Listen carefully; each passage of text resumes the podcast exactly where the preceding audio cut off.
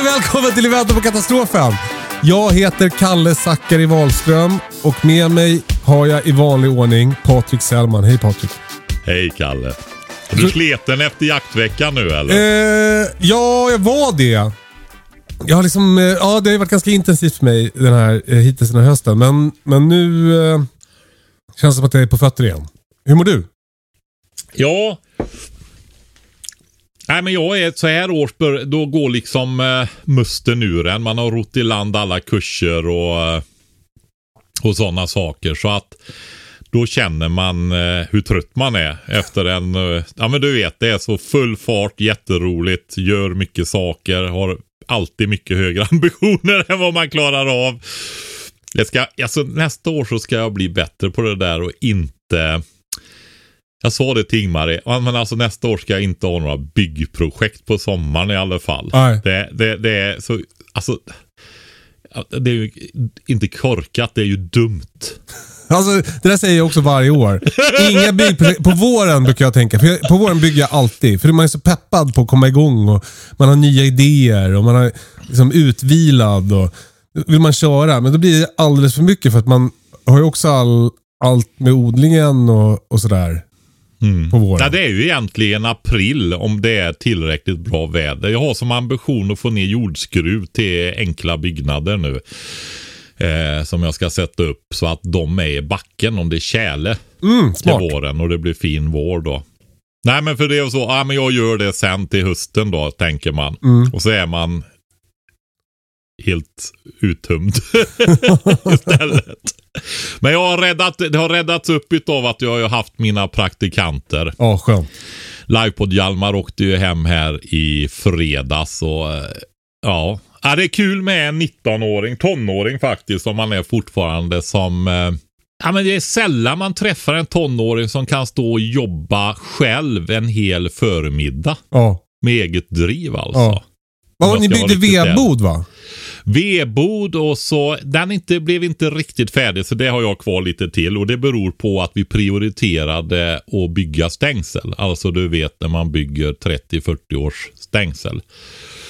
Vad Då, betyder då det? är man ju noga va. Stolparna ska ner djupt och det ska stagas och så vidare. Va? Så att det har vi gjort här. Så det känns väldigt, väldigt bra. Det är Är- bara grindarna kvar där så det är provisoriska grindar nu då. Är det ett ytterst, alltså ett stängsel runt i en tomt som du har bättrat på eller är det något nytt? Nej, det är in, interna mindre hagar, så det är kalkonhagen kan vi säga. Så jag, eh, praktikant 007 kom ju med eh, Red Bourbon kalkoner. Jag har ju försökt eh, börja producera kalkonkycklingar. Ja. Eh, och det funkade inte bra med de buttarna och en eh, korsningstupp som jag hade. Jag tänkte jag provar med det eftersom det är det jag har, men det gick ju inte. Den var för liten, eller hur var det? Ja, jag tror det.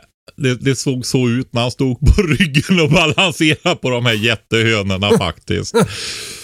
Men då hade hon med sig det, så att eh, nu har jag två hönor och en tupp där. Så får vi se hur det går till våren. Spännande. Mm. Eh, själv har jag eh, hönskycklingar. Eh, som kläcktes när Hjalmar var här faktiskt. Mm. Eh, det blev lite stökigt för de började hoppa ut ur hönshuset. Jag har ju byggt det på, på stenar. Eh, Ja. För att få upp det lite så att jag ska undvika eh, skadedjur. Alltså råttor. Och eh, eh, i alla fall göra det krångligare för råttorna helt enkelt. Och Mm. eh, sen började kycklingarna hoppa ut och de tog sig inte in igen och så ville de inte bli fångade. Och, ja, jag har på och harvat här, men nu har jag byggt som en sarg så att de inte kan ta sig ut genom luckan. Mm. Men hönorna kan det. Men, eh, Ja, är det inte griskultingar så är det kycklingar som ska jagas. Ja, exakt. Alltid är det något. Eh, men det känns ju kul eh, med dem. Life is full of what ifs. Some awesome, like what if AI could fold your laundry? And some, well, less awesome, like what if you have unexpected medical costs? United Healthcare can help get you covered with Health Protector Guard fixed indemnity insurance plans. They supplement your primary plan to help you manage out of pocket costs. No deductibles, no enrollment periods, and especially no more what ifs. Visit uh1.com to find the Health Protector Guard plan for you. Hold up. What was that? Boring. No flavor. That was as bad as those leftovers you ate all week. Kiki Palmer here, and it's time to say hello to something fresh and guilt-free. Hello Fresh. Jazz up dinner with pecan-crusted chicken or garlic butter shrimp scampi. Now that's music to my mouth. Hello Fresh. Let's get this dinner party started. Discover all the delicious possibilities at hellofresh.com.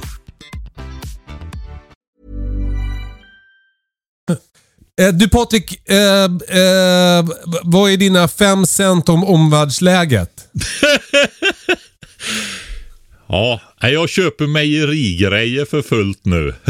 så jag ska få ihop det till mina mjölkfår här. Vad, vad, vad, vad är det för mejerigrejer? Nej, men det är en eh, bra gryta. För, Som jag vill ha. Jag ville ha en med tappkram på också. Som jag har tittat på länge. Så den har jag prioriterat nu. Och sen är det ju löpe och mjölksyrebakterier och vitmögel och sånt som man vill ha till mjölkproduktionen då. Som importeras. Och eh, sen är det lite redskap då till detta. Ostformar framför allt. Och sen övervägde jag om jag skulle bygga en eh, press då. Du vet att man lägger en, en vikt på locket på en ostform för att göra hårdostar då. Så pressar du dem under en period då. Ja, ja, ja. Så sådana grejer har jag gjort så att jag vet att jag har det. Ja, ja, alltså, Nej, det var kanske det- inte det riktigt det jag tänkte på när jag frågade vad du tyckte om Nej, omvärldsläget. men det är en jag konsekvens av omvärldsläget, Kalle. Nej, det är så här att eh, det, det är hög risk att det blir stökigt att få tag i grejer framöver. Att oljepriserna går upp jättemycket och så vidare. Va? Så att eh, det beror ju på det som händer i Mellanöstern nu då. Mm. Och det är ett, ett härvelkors. Men samtidigt så ser man ju liksom att eh, det fortsätter det här polariseringen då. I, I eh, alla andra världskrig så har det ju liksom varit onda och goda sidan. Va? Beroende på vilken sida man har varit på. Ja. Och eh, nej men det var ju axelmakter och allierade under andra världskriget där till exempel. Va? Och det, det håller på att bli det nu också. Va? Och det är lite grann västvärlden mot stora delar av Asien och eh, Afrika också då egentligen. Va? ja. Nu det som, det som händer i Israel här nu är ju... Alltså Iran har ju, eh, stöttar ju Hamas väldigt, väldigt mycket. Som många av de andra eh, arabländerna också har gjort. va. Mm. Och eh, Iran har ju miljardavtal och levererar ammunition till Ryssland. Mm. Så liksom det sitter ju ihop alltihopa det här va. Och nu eh, USA har ju inte haft någon jättefokus på Mellanöstern som de har haft historiskt kanske. Utan nu blir det ju det igen. De har ju sin gigantiska flotta. Mm. Det är ju, den är ju ofattbar. Jag vet, vet inte om folk vet riktigt hur det är. Det är ju det de har byggt upp liksom för att eh, Ja, men som också är egentligen grunden för den här globala handeln. Att freda haven på något sätt. Va? De har ju 11 hangarfartygsgrupper. Just det. Och det är ingen, an- inget annat land som har riktigt det va? Nej, det kan man säga. De som är tvåa där då, de har två stycken hangarfartyg då. Ja. Och de hangarfartygen, jag vet inte vad man ska säga i storleksordning, men kanske närmare hälften så stora. Alltså betydligt. Jag vet inte om Kina har byggt något större, men lite mer kortbane, nästan vertikallandningshållet till. va. Eh, jag vet Storbritannien hade ju sina Harrier-plan som kunde starta Just det. vertikalt. Rakt du upp. vet, de, har- ja, men de vred ju motorerna så att de tryckte sig upp som rymdskepp liksom. Ja. Och så vinklade de om dem och flög iväg då. Nej, men eh, en sån där amerikansk hangarfartygsgrupp, den slagkraften som är i dem, det är ju få länder. Det är väl kärnvapenländerna möjligtvis som är i närheten av slagkraften där. Alltså hela försvarsmakter är ju mindre än vad en sån hangarfartygsgrupp är. Va? Ja. När du säger hangarfartygsgrupp, vad, vad, vad, vad betyder det? Det är ett sånt där stort hangarfartyg?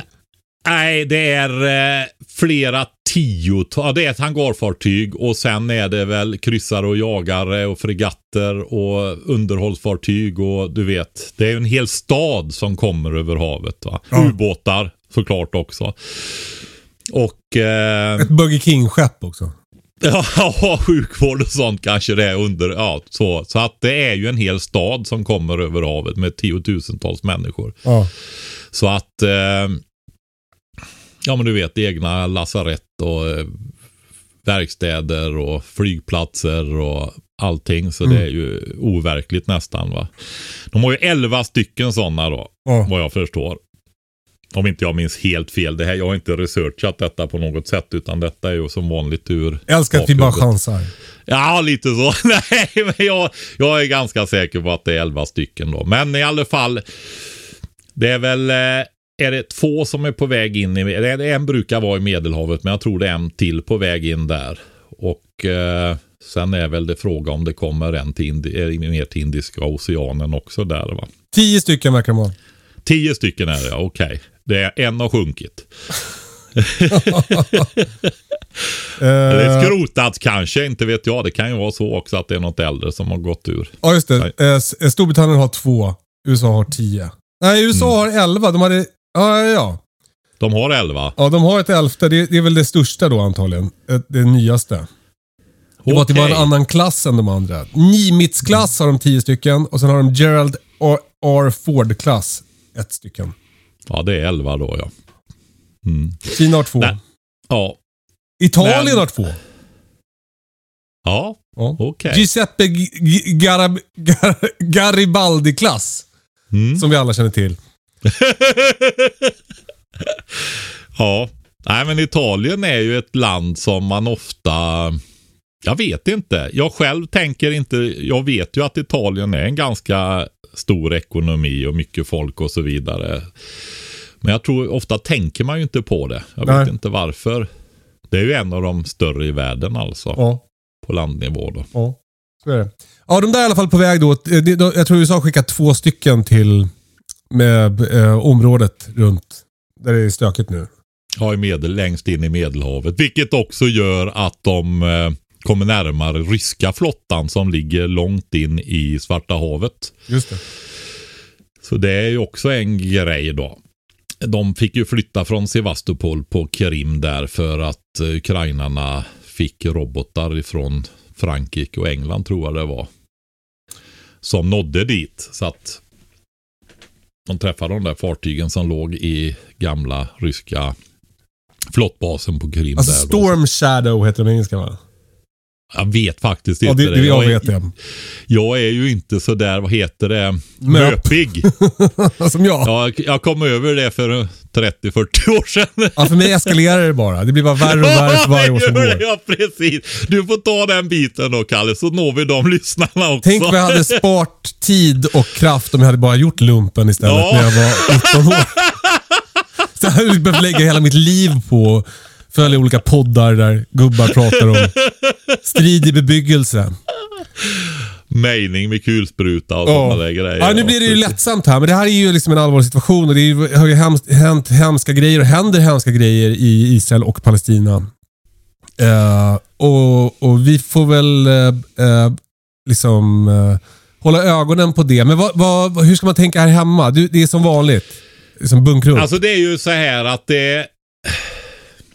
Ja, men man måste få skratta lite när Kalle kommer ut som en ärkemöp i alla fall. Även om vi pratar om allvarliga grejer. Men vad bra du styrde upp lite där Kalle. Det är... Eh, nej men det är ju samma som förut och det jag själv... Eh, ja, men alltså... Att man inte kan ta till sig att man måste förbereda sig alltså. Jag, jag har så... Det har ju vi pratat om i de, de här åren också nu som vi har hållit på med detta alltså. Men det är ju så märkligt. Och nu liksom det blir, man ser också att det är störningar och att det påverkas och ändå så tänker, kan man inte fullfölja tanken att det kan bli väldigt mycket värre Mm, med att få tag i saker och försörjning och så vidare. Va? mm. Ehm, det var någon som sa till mig igår här att det började med cyberattacker lite mer också mot Sverige. Var det så nu eller? Har du hört det? Eh, ja, det vet, det vet jag inte faktiskt. Jag, jag Nej, tycker då man får rapporter ibland om att någon som uttalar sig om att det förekommer och sådär. Men Jo jag, men det har det alltid gjort vet du. Åh, Eh, på olika sätt då. Men att det ökar nu. ja. Men Och- för, för en grej som jag tänker med det här, det är ju att, att än så länge så finns det här ju... Alltså för, för mig, jag skulle ju kunna stänga av det här. Ja, Jag skulle ju kunna liksom låtsas som ingenting och så skulle mitt liv funka ganska mycket som vanligt. Om jag inte läste nyheter så skulle jag inte veta om det här som händer. mm. Men, och det är ju en skillnad mot hur det skulle kunna bli. Att, att, att man blir verkligen påverkad av det i sin vardag. Att det inte går att undvika. Liksom. Nej men precis, så att det är, och det är ju så att kriget behöver ju inte komma till svensk jord för att det ska bli jätteallvarligt, utan det är ju det här att inte försörjningslinjer och sånt fungerar. Mm. Så att, eh, men vi har ju tagit tydlig part i det här som håller på att utkristallisera sig, som jag tycker i alla fall, till en tvåpartskonflikt som blir världsomspännande. Mm. Så att eh, vi är ju liksom i det redan. Mm. Det ska man ju vara medveten om då. Den här gången så valde vi inte att vara neutrala då. Nej. Det Eh, och det kan vi säga vad man vill om. Alltså, eh, eh, Ja, det är bara fakta. Ja, men för det, det finns ju liksom det finns ju liksom något slags värde i att stå upp för någonting också. Och att, att Sverige under andra världskriget kanske inte... Alltså körde ju rätt risig stil på många sätt. Det där precis, alltså. Du vet, å ena sidan så lyckades de manövrera bort kriget ifrån oss. Mm. Å andra sidan så, ja, Så byggde svenskt stål tyska kanoner. precis. Vi exporterade och gav tyskarna slagstyrka där och så vidare då. Va? Mm. Och, eh, ja, det var väl en politisk historia där som inte var jätteroligt kan man säga då. Ja. Eh, och just det här att vi inte hjälpte till då. Just det. Utan snarare nästan tvärtom. Ja. Hjälpte oss själva. Ja, det gjorde vi också. Ja, så, så det kan man ju säga också, fast vi hjälpte ju tyskarna också då. Mm. Eh, och det kan väl vara, jag tror det var en blandning utav att eh, de inte skulle behöva ta oss helt enkelt. Och eh, ekonomisk vinning då. Mm. Det är rätt starka ekonomiska intressen i, i Sverige. Mm. Som har betydelse på nationsnivå kan man väl säga. Du, eh, eh, eh, en grej som händer i Israel nu det är att väldigt många eh, människor blir inkallade ju. Eh, Ja. Jag tror att det var, jag läste en siffra om 360 000 personer i ett land som är lika stort som Sverige. Alltså befolkningsmässigt. Det bor 10 Ja. miljoner i Israel. Det är, det är en väldigt stor del av, av eh, befolkningen som, i alla fall i ett visst åldersspann, som, som kallas in. Mm. Eh, och Vi har fått en fråga till podden om just det där. Den låter så här. Hej Kalle och Patrik, ni båda män som är i stridsdugligt skick. Och för att inte glömma så har Patrik tjänstgjort fem år och är krigsplacerad. Hade inte ni blivit inkallade till mobilisering i en större kris, katastrof eller ett krig? Och hur skulle det i så fall påverka er förberedelse? Och skulle era familjer kunna handha er utrustning med mera om ni inte hade varit där? Undrar Emanuel. Mm. Eh, nej, alltså jag kan väl säga så här att vi som var krigsplats, det var ju 810 000 som var eh, krigsplacerade. Mm. Och när vi bantade ner försvaret till de nivåer som var, det är ju nästan inga utav dem som är krigsplacerade. Vi är ju raderade ur registren till och med. Va? Mhm. Så det är så det är. De, eh, jo, men alltså, det finns ju en etisk aspekt på det också. Eh, just det här att man inte kallar in folk som inte är utbildade till militärtjänstgöring. Skarp. Just det. Och sen eh, är det ju så här att till det hör ju då att har du inte gjort repetitionsutbildningar och så på en viss tid, då stryks du också va. Så du, du behöver inte göra något om det blir krig? Nej, och vi har ju en värnplikt som sträcker sig vad tusan, är det 47 eller var det Ja, just det. 49? Det är Just det. 47 år 47 är det va? jag. Ja. 47 år och jag närmar mig ju 60 va. Så Ja. att om jag ska ta en bussa så får det ju bli i hemvärnet i så fall va. Just det. Och där är du inte Och- aktiv? Nej, jag var det när jag var yngre faktiskt. Men det är ju samma sak där att det havererade ju i, får man väl säga, när, under den här perioden också. Nu, är ju, nu har det ju kommit igång sedan bra länge. För när jag var med, det var ju 90-talet. Då hade vi ju, du vet, då hade vi ju Gräsmarks hemvärnskompani till och med va. Jaha. Alltså våran lilla by hade ett, men det var ju ett litet kompani. Det var ju egentligen en större pluton och en eh, stab och tross-pluton då. Och just det, det här berättade du så hade ni, eh, ni hade någon mast ni skulle vakta. Ja, det är ju den jag kollar fortfarande och bevakar den fortfarande här från köksfönstret varje morgon när jag dricker kaffe och kollar att den är kvar där. Får skicka lapphundarna om det blir något.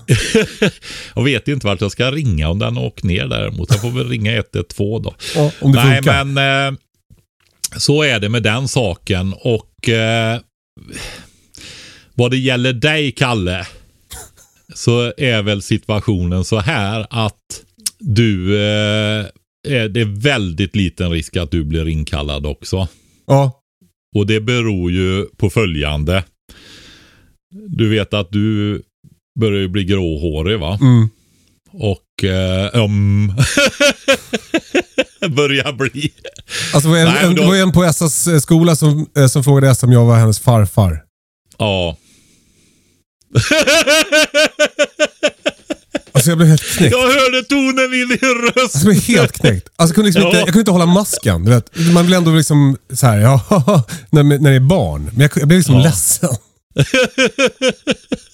Ja, Ser lite här igen. jag åkte hem och klippte mig faktiskt. Ja. Alltså så det var ett barn på Essas skola som fick mig att klippa mig. ja. Plötsligt händer det. Men du. Nej men det är ju så här. Det finns ju en viss förmåga att utbilda. Skulle Sverige behöva höja den så skulle man ju behöva ta hjälp utifrån helt enkelt. Så som Ukraina har gjort. Mm. Det var ju faktiskt så när det var som mest illa att finländska eh, reservisterna då, alltså reservofficersförbundet erbjöd sig att komma över och hjälpa till och börja utbilda soldater. Vi har inte haft, alltså nu börjar det ju hända saker även där, att vi får mer instruktörer och så va. Men eh, det är ju fortfarande man sa ju när man drog ner försvaret att man skulle ha en återhämtningsförmåga, men den skrotade man också om man ska vara, tala klarspråk då. Va? Men jag såg här om året att det kom ut en stor mängd specialister och sådana saker då som är de som blir väldigt duktiga på olika tjänstegrenar, alltså på det som behövs, den kunskap som behövs i försvaret då. Ja. Så att eh, till dig då så är det väl så här att jag tror hellre man tar in en massa 22, 23-åringar och 20-åringar och sånt istället för en gråhårig 40-plussare. Verkligen. Alltså Med mycket bättre att den följa order också. utbildningskapacitet. Ja, exakt. Du, du får nog betrakta som lite halvförstörd som soldatämne. Det finns ju en anledning till att man tar in 18 till 20-åringar. Ja. Hjalmar. Ja, Hjalmar ville ju göra värnplikten men han fick inte. Ja. Han hade toppvärden. Han var en sån som de inte hade resurser till kan man säga då. Mm. Eller egentligen, ja du vet, resurser slash behov. För de kan ju inte ha en större organisation än de har möjlighet till. Va? Så att resurserna där styr ju behovet också, vad man faktiskt kan ha. Men i familjer där eh, eh, det, inte är eh, bara gubbar som, utan, och gummor som, som är föräldrar. Och, och man har en, en familj där någon skulle bli krigsplacerad. Mm. Vad, Vi får väl säga så här att det man gör, får göra i en sån situation där, eh, det är ju helt enkelt att vara en resurs i hembygden där man bor istället och hjälpa till. Va? Just så det. är det ju. Just Så är det. Eh, I och med att inte det finns så mycket organiserat. Du har, visst, det finns ju eh, frivilliga resursgrupper och sådana saker som finns som man kan engagera sig och sånt där om man vill göra det lokalt. Det är viktigt att känna till. Och försvars, frivilliga försvarsorganisationer och sånt då. Så att eh, det går och där är vi organisationer där man kan vara på ett mer organiserat sätt. Då, va? Men, men, Nej, men, men- om man är en familj där någon blir krigsplacerad, hur ska man liksom tänka på det? Hur ska man förbereda sig för det? Ja, men det är det där budskapet som vi har i våran podd hela tiden. Det här att, eh, att eh, hemberedskap handlar inte om att gå och sätta sig i ett hörne i källan med en pannlampa, ett trangakök och lite konserver och en vattendunk. Va? Det Eh, är lite synd. nej, men det är ju det där att vi är så sårbara idag som individer. Så att vi egentligen aldrig varit mer beroende av varandra. Det, det har vi ju pratat mycket kring det här. Va? Med att vi är så specialiserade och så. Och den paradoxen i att vi upplever att vi är så självständiga då. Va? Eh, och när det gäller då som personal, det är lite intressant för jag ska faktiskt, det här kan ju in, det här, jag ska ju ner till eh, kustbevakningsstationen i Göteborg. De har en träff i Falkenberg. Nästa vecka. Jaha. Så då ska jag ner dit och prata om just det här. Mhm. För de är ju en del av totalförsvaret och samarbetar mycket med försvarsmakt och sådana saker givetvis. Va? Så att eh, eh, där ska jag prata om just detta. Och vikten av det. För det, vad det handlar om är ju att ha en hemberedskap så att vi kan fortsätta och lösa våra uppgifter. Mm. Och eh, det gäller ju inte bara om du är i totalförsvaret utan är du sopgubbe så är du ju nästan på samma nivå. Va? Alltså det är ju otroligt viktigt att få sophanteringen att fungera. Vet? du. Och blir det allvarliga skador på infrastrukturen så innebär ju det tvåan och ettan med. Va? Mm. Du vet petflaskor fulla med urin och sopsäckar med tvåan och så Mm. vidare. Va? Mm. Så att alltså, du förstår ju vad viktig en sopgubbe är i totalförsvaret. Ja. Ja, undrar om de vet det själva, många. Deras, hur viktiga de är. Men det tror jag de vet faktiskt, för det förstår man ganska fort när man åker till en sopstation. Eller, det heter ju inte så längre nu, det heter ju återvinningsstation. Lite trög, det har väl hetat det i 30 år. Det är som jag håller på med tum fortfarande när det är spik och virke, vet du. Ja. ja, det är ju ett tecken varje- på att man inte skulle bli krigsplacerad om man säger kung. exakt, exakt. Alltså det är ett test de har. Ja, exakt. Ja, men det är så roligt varje gång det kommer nu när det kommer praktikanter och så vidare. Jag hade, ju- hade ju en här, Roger, han var ju i min ålder så han behövde jag ju inte förklara vad en tum var för någonting. Men de yngre får man ju berätta det. Man säger väl inte Eh, heller sopgubbe längre, man säger väl renhållningsarbetare. Ja, det gör man va? Kanske. Kanske, exakt. Ja, Men så att eh, se till att ens, ens förberedelser eh, är så goda så att man kan fortsätta lösa sina uppgifter är nyckeln. Det är grunden för det här. Och det gäller, alltså har du pliktplaceringar då. Det kan ju vara, nu mer vet jag inte om de har börjat än. Jo men det har de ju gjort för tusan. Det är ju krigsplaceringar och kommuner och företag som har viktiga uppgifter och så vidare. Krigsplacerar ju sin personal också sedan flera år tillbaka faktiskt. Och eh, det var lite märkligt att vi inte, jag fick ju ett, ett ifrån en som var på um, järnvägen underhåll. Han undrar varför inte de var krigsplacerade. Så där kan ni ju skärpa till er och vara rädda om eran personal. Ja, verkligen. Ja, men eh, det, det innebär ju att då har du ju sådana riktigt viktiga uppgifter för att vi ska kunna hålla igång det här överhuvudtaget så vi inte råkar riktigt illa ut. Va? Och då vill det ju tills, precis som hans frågeställaren skriver här, att det fungerar. Alltså, kommer folk åka till sina placeringar om inte det funkar på något sätt med barnomsorg och så vidare. Det kommer kan ju, det, alltså det är ju jätteviktigt. Alltså det här har vi varit inne på förskolans betydelse till exempel väldigt mycket va. Skola, skola och förskola. Ja. Just när det gäller eh, barntillsynen då. Eh, i, kanske i första hand. Men utbildningen är också viktig givetvis. Och verksamheten och att den är så ungefär lik då eftersom det är barn. Så ehm, ja, men det är väldigt, det är också väldigt viktig verksamhet då. Mm. För hur ska, hur ska soldaterna kunna åka till sina förband? Ska de bara lämna ungarna i huset då? Eller hoppas att tanten bredvid tar hand om dem? Eller Eller gubben. gubben. Ja.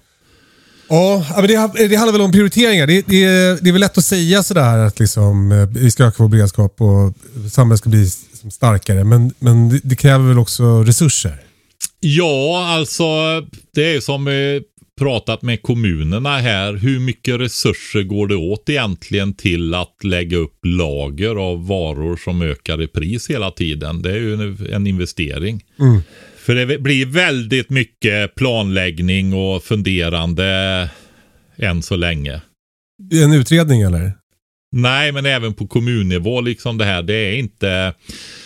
Ja, men... Det, att hålla igång sin verksamhet någon längre tid och förse dem man är ansvarig för med det, den omsorg och mat och värme och vatten och så vidare. Man är ju inte där va. Ja. Man, man har, vissa kommuner har väl börjat eh, lägga någonting i sina lager i alla fall. Så är det. Alltså verkstad. Att få någonting på plats också. Man kan inte bara hålla på och planera och köpa ostformar. Man måste faktiskt köpa Nej, dem man svälter ihjäl i alla fall då hur fina planer man än har. Om det inte finns någon mat så finns det ingen mat. Så enkelt är det. Finns det inte rent vatten så det räcker så finns det inte rent vatten. Nej. Nej, så enkelt är det. Du, eh, ska vi gå vidare? Ja, men jag tror, tror vi svarade på allt där. Just Ja. det här betydelsen av att upprätthålla det här och att vi verkligen. Jag, jag tänker så här, om jag var pliktplacerad eh, så skulle jag ju titta över saker och ting där för att kunna lösa min uppgift. För det är ju, du är ju placerad, pliktplacerad om du om det är något viktigt du ska göra. Så är det va? Ja, ja bra. Så att man kan göra det.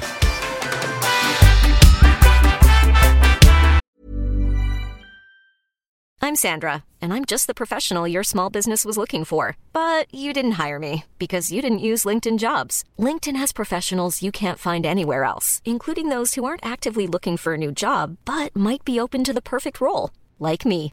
In a given month, over 70% of LinkedIn users don't visit other leading job sites. So if you're not looking on LinkedIn, you'll miss out on great candidates like Sandra. Start hiring professionals like a professional. Post your free job on linkedin.com/people today. There's never been a faster or easier way to start your weight loss journey than with PlushCare.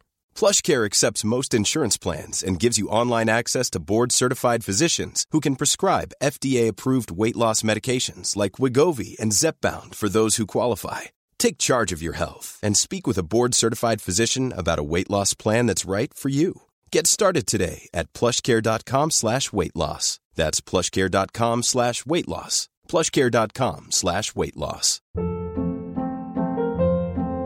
Hold up. What was that? Boring. No flavor. That was as bad as those leftovers you ate all week. Kiki Palmer here, and it's time to say hello to something fresh and guilt-free. Hello Fresh. Jazz up dinner with pecan-crusted chicken or garlic butter shrimp scampi. Now that's music to my mouth. Hello Fresh. Let's get this dinner party started. Discover all the delicious possibilities at hellofresh.com.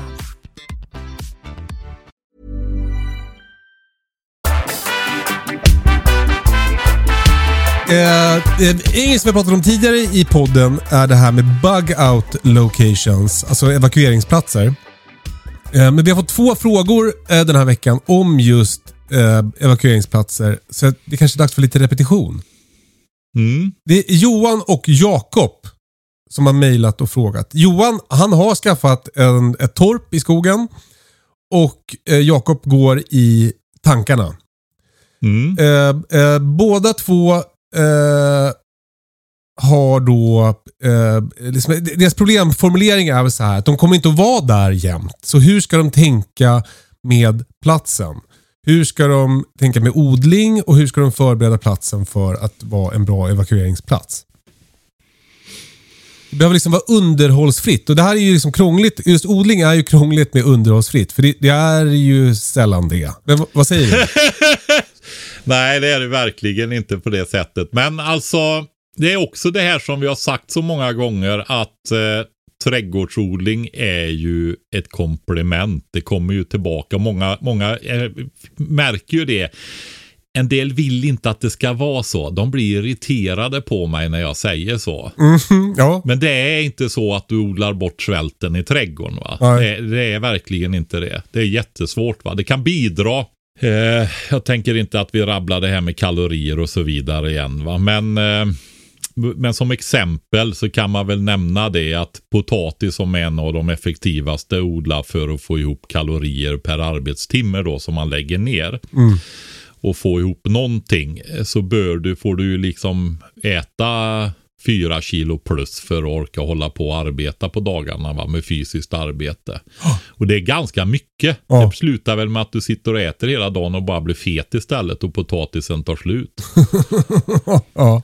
Ja, men eh, så eh, det är ju lager som man förbereder på en evakueringsplats i första hand. Men ser man det som en väldigt, alltså om man tänker sig det här riktigt allvarliga scenarierna så att det även blir långsiktigt och att det finns med på kartan att man faktiskt flyttar dit mer än temporärt. Mm. Då, eh, då kan man ju tänka sig att man faktiskt gör de perenna delarna. Frukt och bär och sådana saker. Då. Mm. Som, som, ja, men även rabarber, sparris och andra perenna växter. Du har ju hela skogsträdgårdssidan idag då som där händer det ju mycket. Eh, får man väl säga. Alltså bygga perenna biotoper egentligen. Väldigt spännande område också. Men annars så gör man bara så att man gör eh, och man kan förbereda odling och sådana saker. Ja, det var det jag tänkte fråga om. För vi pratade lite om så här att man med höns, att, att det är så bra att man kan eh, eh, göra flocken mindre på vintern och göra flocken större på, på våren och sådär. Mm. Kan man tänka så med odling också? Så hur kan man förbereda en plats för, för odling? Alltså du vet, jag är ju mycket för det här att integrera när det gäller eh, lägsta nivån manuell handredskapsodling. Eh, alltså kantzoner med perenna växter och sen rationell odling med väl uttänkta redskap i upphöjda bäddar eller radodling beroende på jord och sådana saker då. Va? Och de där perenna systemen runt sådana odlingar, de kan du ju definitivt etablera. Alltså att du börjar, om, du, om man tycker det är roligt också så börjar man göra det här som en förberedelse på sin plats också då va. Ja. Och sen kan du ju faktiskt bryta upp jorden. Och är du där på våren, ja men så gröngödsling då.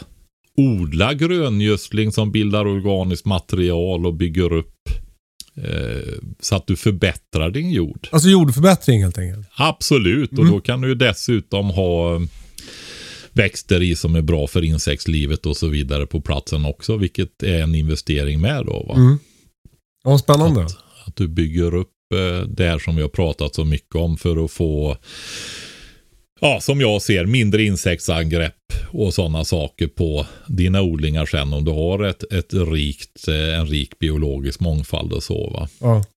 Det är liksom ingen sån här eh, floskel som jag slänger mig med utan jag har ju 10-15 vad det nu är års erfarenhet utav det där va. Och det ser ju de som är här också så det finns ju en del ögonvittnen nu då.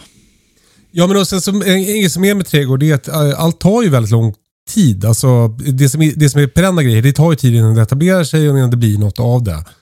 Mm. Fruktträd tar ju många år innan de blir bra.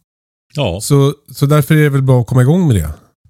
Ja, precis. Och det beror ju på när man tittar på en sån här vad är det för evakueringsplats man har? Är det liksom ett fritidshus också som man åker dit och har semester där och jobbar och har kul? Alltså det är ju bra om man kan kombinera sådana saker så det inte bara är ett gömsle liksom. Mm. Så det blir, ökar ju värdet av det också för det kostar ju pengar med. Ja. Och eh, sannolikheten för att det blir desto bättre ökar ju också då. Men, men och sen i övrigt när det gäller en evakueringsplats så kan man väl tänka på vår den här gamla minnesregeln hemskt vis. Att man går igenom alla de bokstäverna på den platsen och tänker så här, hur ska jag kunna, kunna tillgodose de här behoven i händelse av kris? Ja, men precis. Och tittar man rent beredskaps, då är det ju förråd Ja. och utrustning. Men ser man också, för alltså hur det än är så är det ju så med odling att det är väldigt stora kriser och över lång tid om det ska ha någon större betydelse eller betydelse med odlingen. För det är ju en ganska lång tidsperiod. Och du, då behöver du liksom odla för att ha i lager. Ja, och de lagren kan du ju köpa. Och du kan köpa effektivare lager med sånt som du egentligen har svårt att odla. Va? Alltså kalori och näringstätare livsmedel. Alla, alla de här sakerna som kan gro som vi har pratat så mycket om. Va? Linser, bönor, ärtor, spannmål, ris och produkter av dem då som är torra. Som håller väldigt länge då om du lagrar dem rätt. Och repetition då, hur lagar man dem rätt? Alltså vill du har du ett mindre förråd så lagra dem i mindre behållare.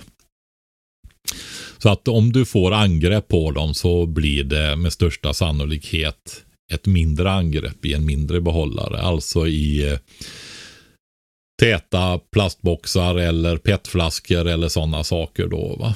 Tar du bort syret dessutom då kväver du ju de här. De har ju ämnesomsättning egentligen och har en viss andning. Men det är ju folk som har provat där och testat och de klarar sig ganska länge utan utan det där sista syret då. Så, ehm, men det förlänger hållbarheten i alla fall och dessutom om du tar bort syret så fördärvar du ju för eh, ohyran också då som inte klarar sig utan syret. Den kvävs helt enkelt. Eh, det är det ena. Vill du ha ett större lager, eh, då är det ju, skulle jag säga, först och främst eh, gnagar skyddande hinkar med mylarpåsar och syraabsorbenter i då. Och, och, det, det har vi också fått en fråga om den här veckan. Vad använder du för hinkar?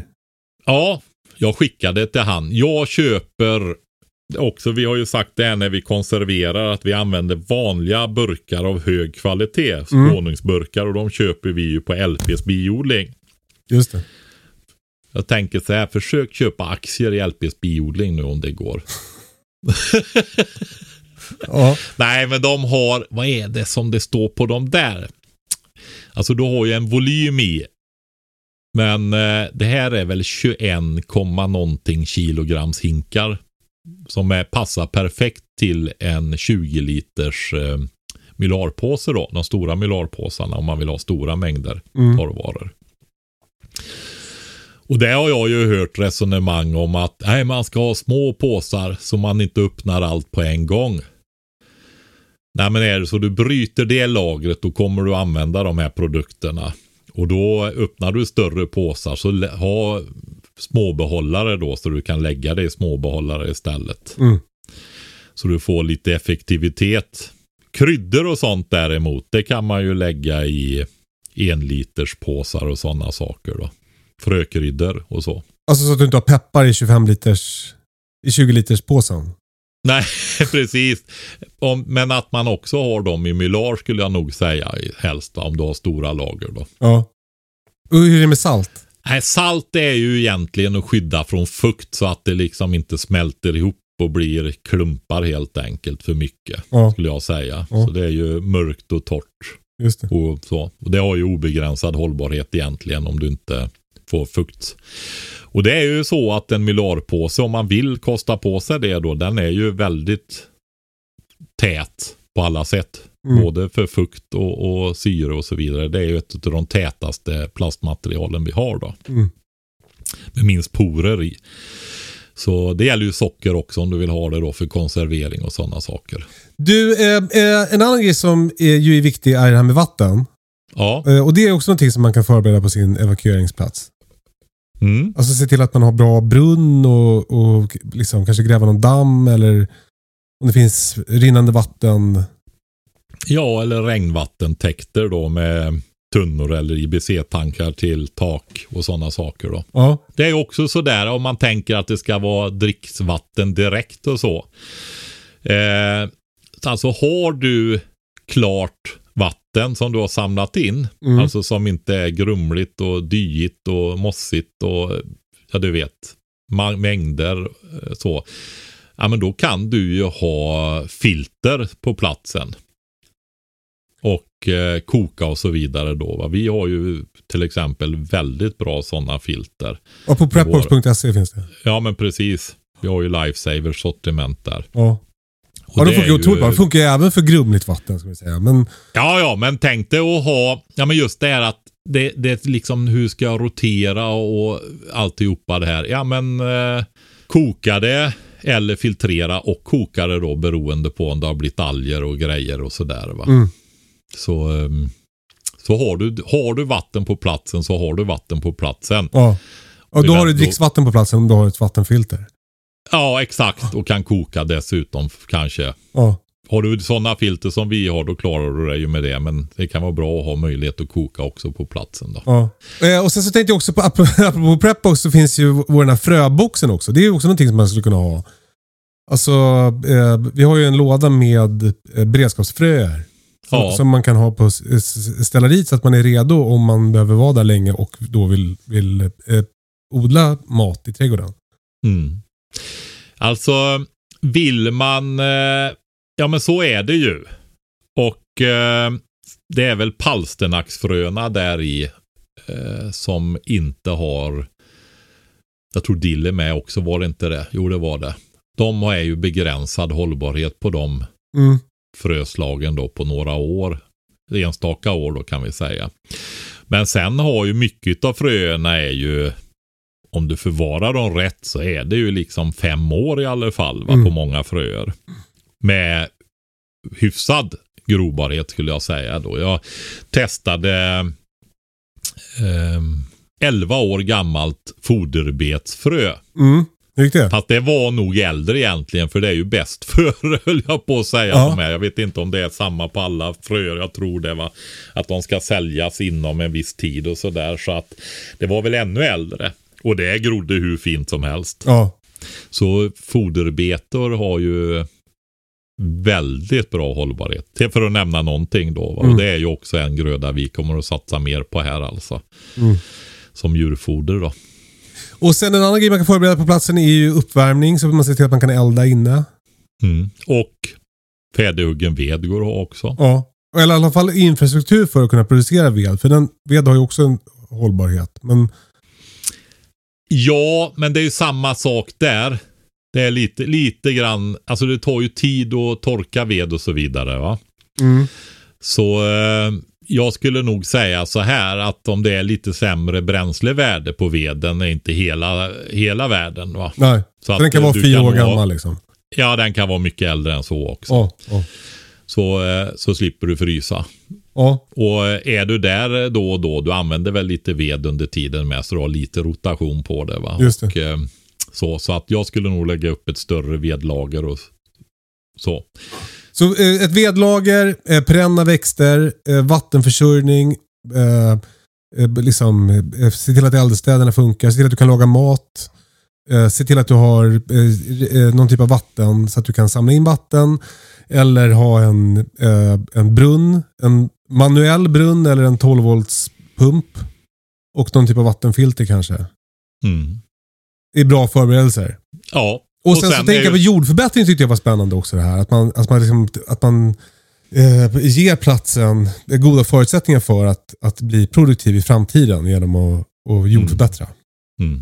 Nej men alltså det går ju att göra det. Det finns ju det vet ju alla som har börjat med småbruk så här att hur otroligt mycket arbete det är att bygga upp allting. Du vet, ja men alltså. Är du liksom seriös i det där och ser framför dig att du ska flytta dit och så och tycker att det är roligt dessutom. Ja men Bygg infrastruktur för allt möjligt då. Stängsla, inred för att ha lite djur, bygg kaninburar, vad som helst. Det finns ju mycket roligt som helst att göra. Ja, men det, att börja med höns är enkelt om man har ett hönshus. Men ska du bygga ett hönshus först så är det jävligt krångligt. Ja, det går ju om det är kris så går det att göra ganska. Om det finns någon form av utrymmen där så går det ju att avgränsa och göra. Ja, det är klart. Men jag tycker att det är också en grej man kan förbereda. Absolut, absolut. Och sen så såklart, eh, beroende på var den här platsen ligger, eh, skapa goda relationer med grannarna där.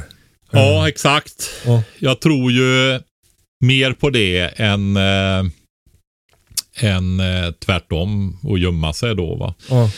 Jag vet ju att många som köper sådana här platser, de köper ju ödehus nästan ute i långt ut i skogarna då just för att ha dem som göm, gömslen också. Men det är väldigt bra, speciellt om man är ensam som många är som skaffar ödeplatserna höll jag på att säga. Eh, så är det ju bra att ha andra kontakt med andra människor. Va? Mm. Så är det. Jag kommer att tänka på en sak, Kalle, i förra delen där med plikten och det där. Mm. Just det här, för det får vi med jämna mellanrum, eh, det här med att folk ska evakuera. Mm. Ja, men vi ska väl försvara landet och hjälpas åt och alltihopa det där. Ja, men så är det. Men samtidigt så är det viktigt också att förstå att blir det riktigt illa så är det ju så här att det är bra om personal, eller med personal, människor som eh, inte behöver vara där, inte är i vägen. Det finns sådana scenarion också, va? så att det är inte dumt att man har förberett vart man ska kunna ta sig om man inte är pliktplacerad då. Va? Så eh, ja, men avtala med vänner, släktingar eller skaffa sig fritidshus eller sådana saker då. Va? Mm. Så, så det är inte alls tokigt och, och för det, jag förstår frå, absolut frågan då, men eh, det, det, det är lätt att se i omgivningarna, alltså omvärlden, att eh, det kan vara bra om inte så kallad vanlig civilbefolkning är kvar då. Va? Just det. Bra, bra, bra. Eh, avslutningsvis Patrik så har vi fått en fråga om att skaffa ankor. Ja, det är ju en fråga till dig nu tror jag va? Ja, det är jag som har skaffat ankor. Ja. Eh, eh, det är Johan som skriver. Han vill köpa ankor till mitt hus utanför stan. Har plats för dem. Tänker två stycken ankor, men inte kunskapen. Målet för mig är att de ska äta mördarsniglar. Och sen kanske äta upp ankorna om, de, om Johan pallar och slakta dem. Eh, vilka ska han ha? Hur ska de bo? Vad ska de äta? Och så vidare. Jag har ju inga ankor just nu. Eh, räven tog dem i vintras. Eh, och eh, det råder lite delade meningar här med om vi ska ha ankor eller inte. För en grej som ankor gör väldigt mycket, det är att de bajsar. det finns en anledning till att det aldrig har blivit ankar här på mitt lilla ställe. För att man, eh, eh, de, de, de bajsar liksom lite mer som kor, så stora blaffor. Eh, och eh, de skjuter ut dem där, ofta med ljud. Och sen trampar man i det där. Det, det blir ju ganska grisigt runt ankorna. Jag hade dem ett tag i hönshuset och, och eh, dels blev det jättemycket eh, bajs och dels så blev det eh, de röjde runt i vattnet jättemycket. De använder vattnet för att, när de äter på något sätt. Att de, de vill liksom Ja, det är lite som när man äter eh, honungsmackor med O'boy. Att man vill liksom ha honungsmackan i munnen när man dricker O'boyen. Och lite så gör ankorna verkar som med maten och vatten. så det blir väldigt, eh, liksom, man fick byta vatten ofta, det blev stökigt och sådär. Eh, jag vet inte om jag tycker att två ankor är bra. Jag tror kanske att man ska ha åtminstone tre. Det, eh, jag- jag- man kanske kan ha två eh, honor i och för sig. Jag tänker att om det är en drake och en hona så kan det bli ganska kämpigt för honan att hålla jämna steg med, med drakens... Eh, eh, ja, ni fattar. Ja, det är som man säger med hönor, att du ska ha ett visst antal hönor per tupp, annars så far de illa hönorna. va? Ja. Och, och, och en grej som kan vara bra med att ha eh, en drake och, och två honor är ju också Alltså att du har både tjej och kill. Det är ju att du ska kunna eh, eh, producera nya ankor. För om du ska kunna äta upp dem så då, då har du inga ankor längre. Och då kommer du få mördarsniglar igen. Så, då, då, då eh, så, så kan det vara bra. De är ganska bra på att göra ungar också, på att ruva. Eh, de, de lägger äggen och gömmer dem någonstans. Och sen så lägger de sig där och ruvar i fyra veckor. Så, så kommer det ankungar sen. Det, de, Men du har haft myskanker hela tiden va? Precis. Angående ras så jag, jag har bara erfarenhet av myskankor. Det är de som jag vet äter, äh, äter äh, sniglar. Och det är också de som jag vet inte har så jättestort behov av äh, en damm. De gillar en damm, men de behöver den inte för typ fortplantning och sånt där som vissa ankraser behöver, vet jag. Mm. Eh, Men rengöring och sånt är också en viktig grej. Gässen de klarar sig ju med en hink i värsta fall med vatten. De kan tvätta sig med halsen. Mm. Annars försöker man ha en liten balja eller någonting som de både kan para sig och tvätta sig. Hur är det med hygienen för myskänderna då? Ja, det, det är samma där. Att de, de, behöver, de behöver vatten för sin hygien. Och har på, jag har haft lite problem att vintertid eh, när det inte är lika lätt att sköta det där med en stor balle med vatten till dem, så har de fått eh, problem med ögonen. Så ögoninfektioner har de fått. Mm. Så jag har fått hålla på och badda med saltlösning och sånt där. Eh, men, men det räcker ju oftast då bara Jag hade ett tag en takbox som jag fyllde med vatten så att de fick tvätta sig i. Men nu har jag ju dammen. Eh, tyvärr inga ankor då. Men, men, eh, så de behöver kunna göra rent sig. Du får göra en liten plattform eller flotte ute i dammen. För det vet jag att de gör som har vattenfåglar. Att eh, de kan ta skydd där ute. För då simmar inte räven ut till Nej, men det var ju, det- alltså, mina ankor var ju helt perfekta. De gick ju ut i damm på natten när räven kom. Så det var ju helt perfekt. Men sen, sen la sig isen på dammen och då, nej! och då, då gick eh, ankorna ut i mitten och sen raskade räven över isen och tog dem. Ja. Eh, men jag har fått jättemycket problem med sniglar nu. Alltså det är verkligen, det är verkligen skillnad på hur mycket sniglar jag har sen, sen ankorna försvann. Mhm. Eh, så det, det, alltså för det, det var också så här, jag visste liksom inte om de åt sniglar. För jag såg aldrig några sniglar. Men det gjorde de. För, för, för ja, de höll verkligen efter sniglarna. Så det, så det är en anledning till att skaffa ankor igen, är just det där med... Ja, du sover ju när de jagar sniglar på nätterna. Ja, Och det är ju också det där med rävproblematiken. Jag har ju det här också va. Och jag har ju stängsel runt om och jag har eltrådar nere som ställer till dem och rävarna försöker gräva. Jag, men jag låser ju in fåglarna på nätterna i huvudsak då. Det Ja. finns fåglar som är ute också men de, de, eh, jag låser in dem för att skydda dem mot rovdjursangrepp och hundarna är ute på dagarna. Men grejen är ju det här, om du ska ha snigelätning, ja då får de ju vara ute på nätterna va. ja men jag, det, jag skulle inte säga att det nödvändigtvis måste vara så. Jag har haft mina ankor inne ganska mycket på nätterna också. Det, de har nog hållit efter sniglarna då. Ändå i zonerna runt omkring där, Ja. på, sent på kvällen och tidigt på morgonen Ja. och så vidare. Ja, men det kan hända. Men jag har hört att det är mycket jakt på nätterna. För det är väl också då, eh, tänker jag att sniglarna kanske är framme som, är som mest också. aktiva. Ja, exakt. Ja, visst är det så. Jag har ju inte sniglar så jag är också lite oerfaren på det där. Då. Lyxigt. Kom inte att säga att det är för att du har så stor biologisk mångfald nu, så flyger jag på det. det är, Nej, nej, det Det är är för att jag är väldigt försiktig med att ta hit plantor med jord och så vidare. Ja, Från områden där det finns sniglar. smart. Eh, när det gäller beteende så de är ju otroligt sociala ankorna. Eller mina har varit det. Så det, det har varit väldigt kul att ha dem. För de kommer alltid när man håller på. Håller man på grejer med något i trädgården så kollar de och, kommer de och kollar. Min kompis brukar kalla dem för inspektionsankorna. För att de är... De kommer verkligen sådär och... hur var det här då? Det är känslan. Eh, och speciellt om man håller på med något vatten eller gräv eller sådär. För då kommer de att leta mask. Eh, så så eh, jättemysiga. Eh, de eh, känns liksom de, de känns enklare än hönor. Så att de behöver liksom inga sittpinnar riktigt utan de bara som kurar ihop sig på golvet. Även om de sägs, myskankor sägs ju vara trädsovare. Så jag vet folk som har så att de flyger upp på tak och sånt där på natten. Men, men det har jag aldrig fått till. Det vore ju drömmen. För det, dit kommer ju inte räven upp.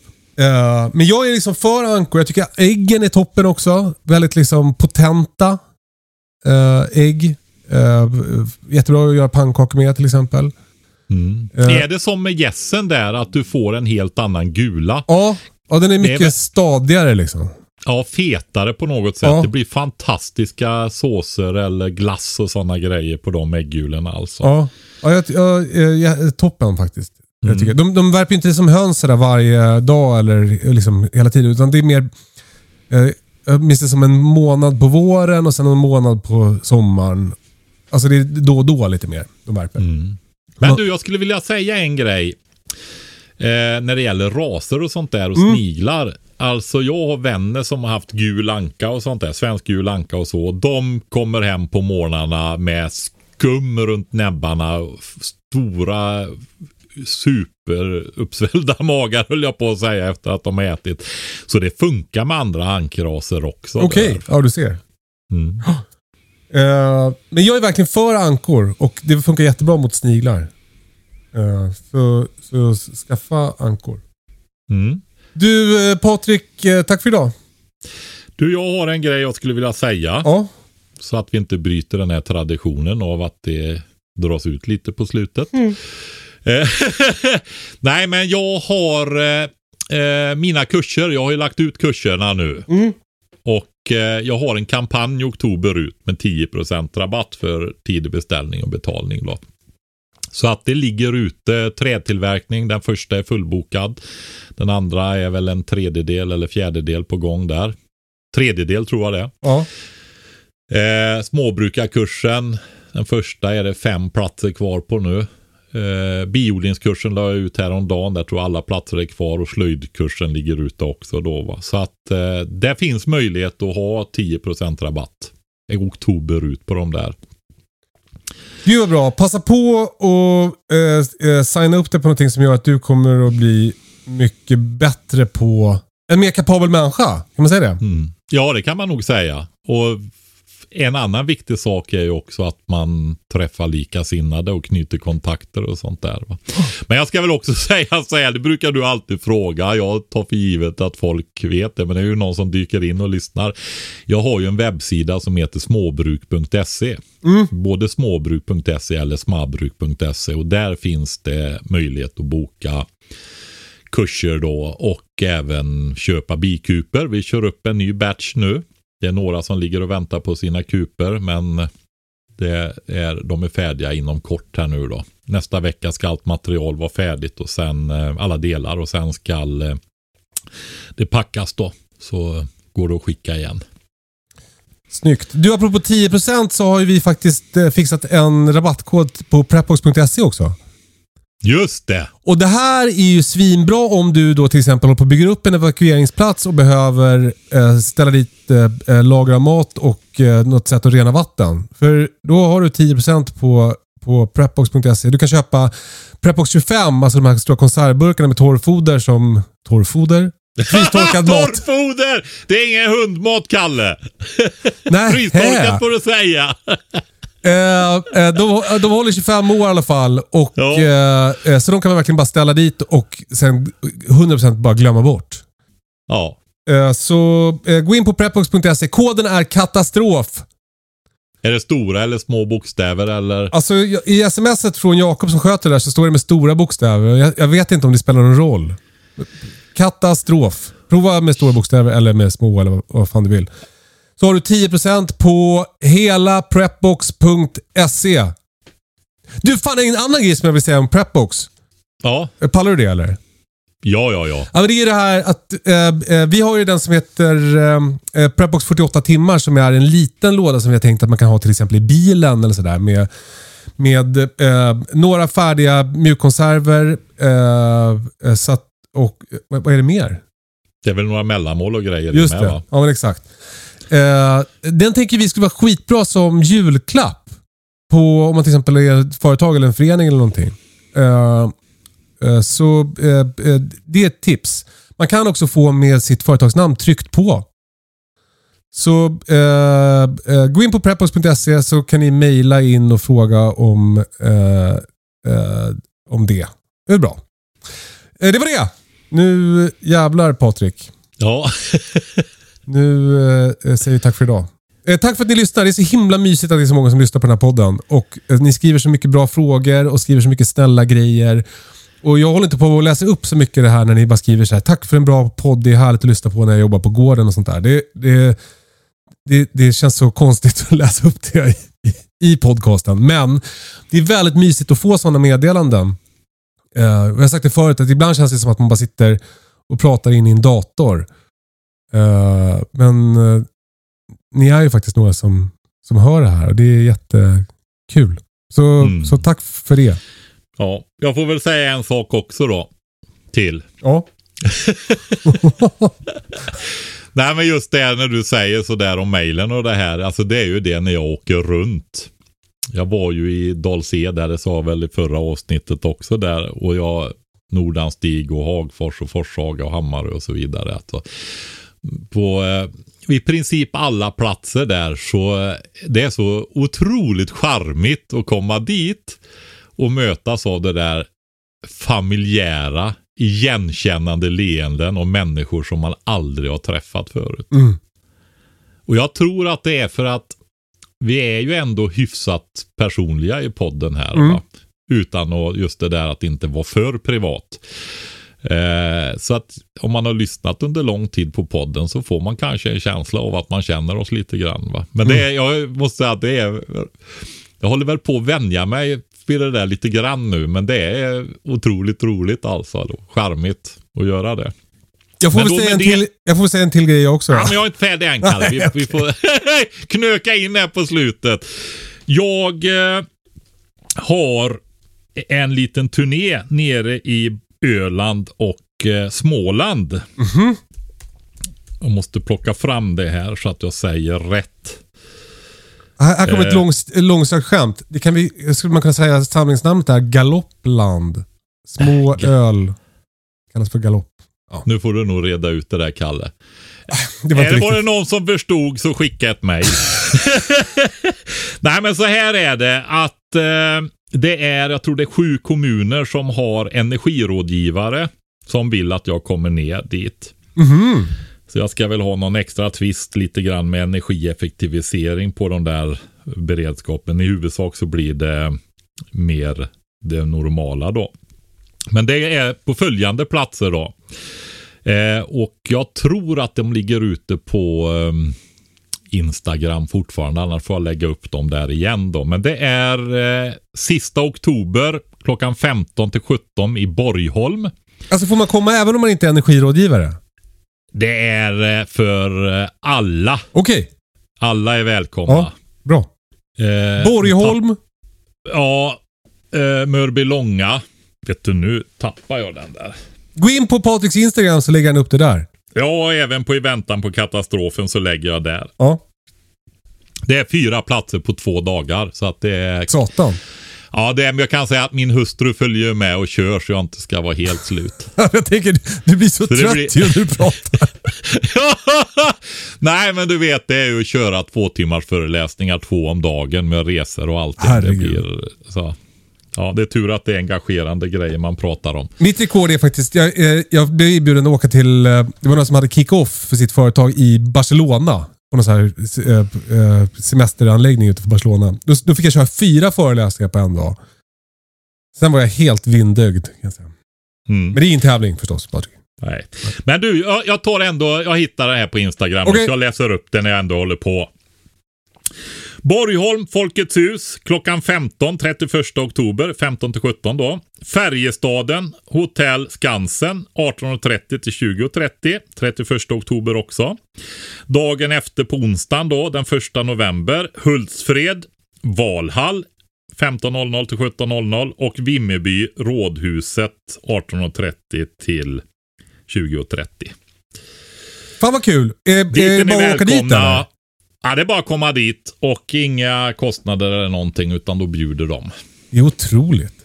Jo, sen har jag några ställen till som är under, under behandling. Men de är inte klara än, det får jag berätta om längre fram sen. Eh, Det jag skulle säga var i alla fall bara att jag, jag har ju varit liksom eh, en offentlig person ganska länge.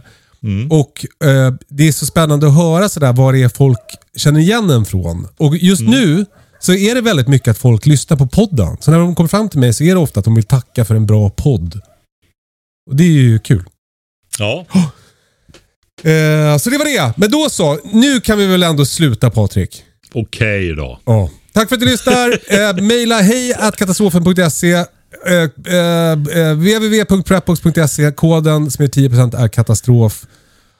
Och det var en massa andra grejer också. Eh, jo, en annan grej också. Jag tänkte på. På evakueringsplatsen.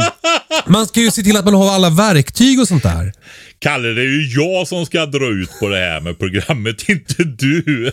Hej då! Hej då.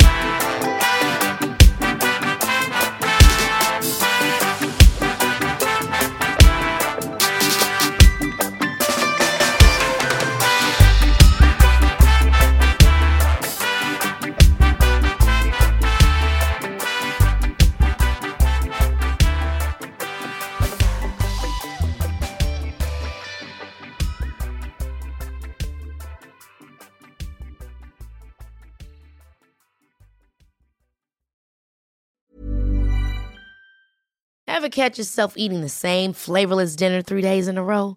Dreaming of something better? Well, HelloFresh is your guilt-free dream come true, baby. It's me, Gigi Palmer. Let's wake up those taste buds with hot, juicy pecan-crusted chicken or garlic butter shrimp scampi. Mm. Hello Fresh.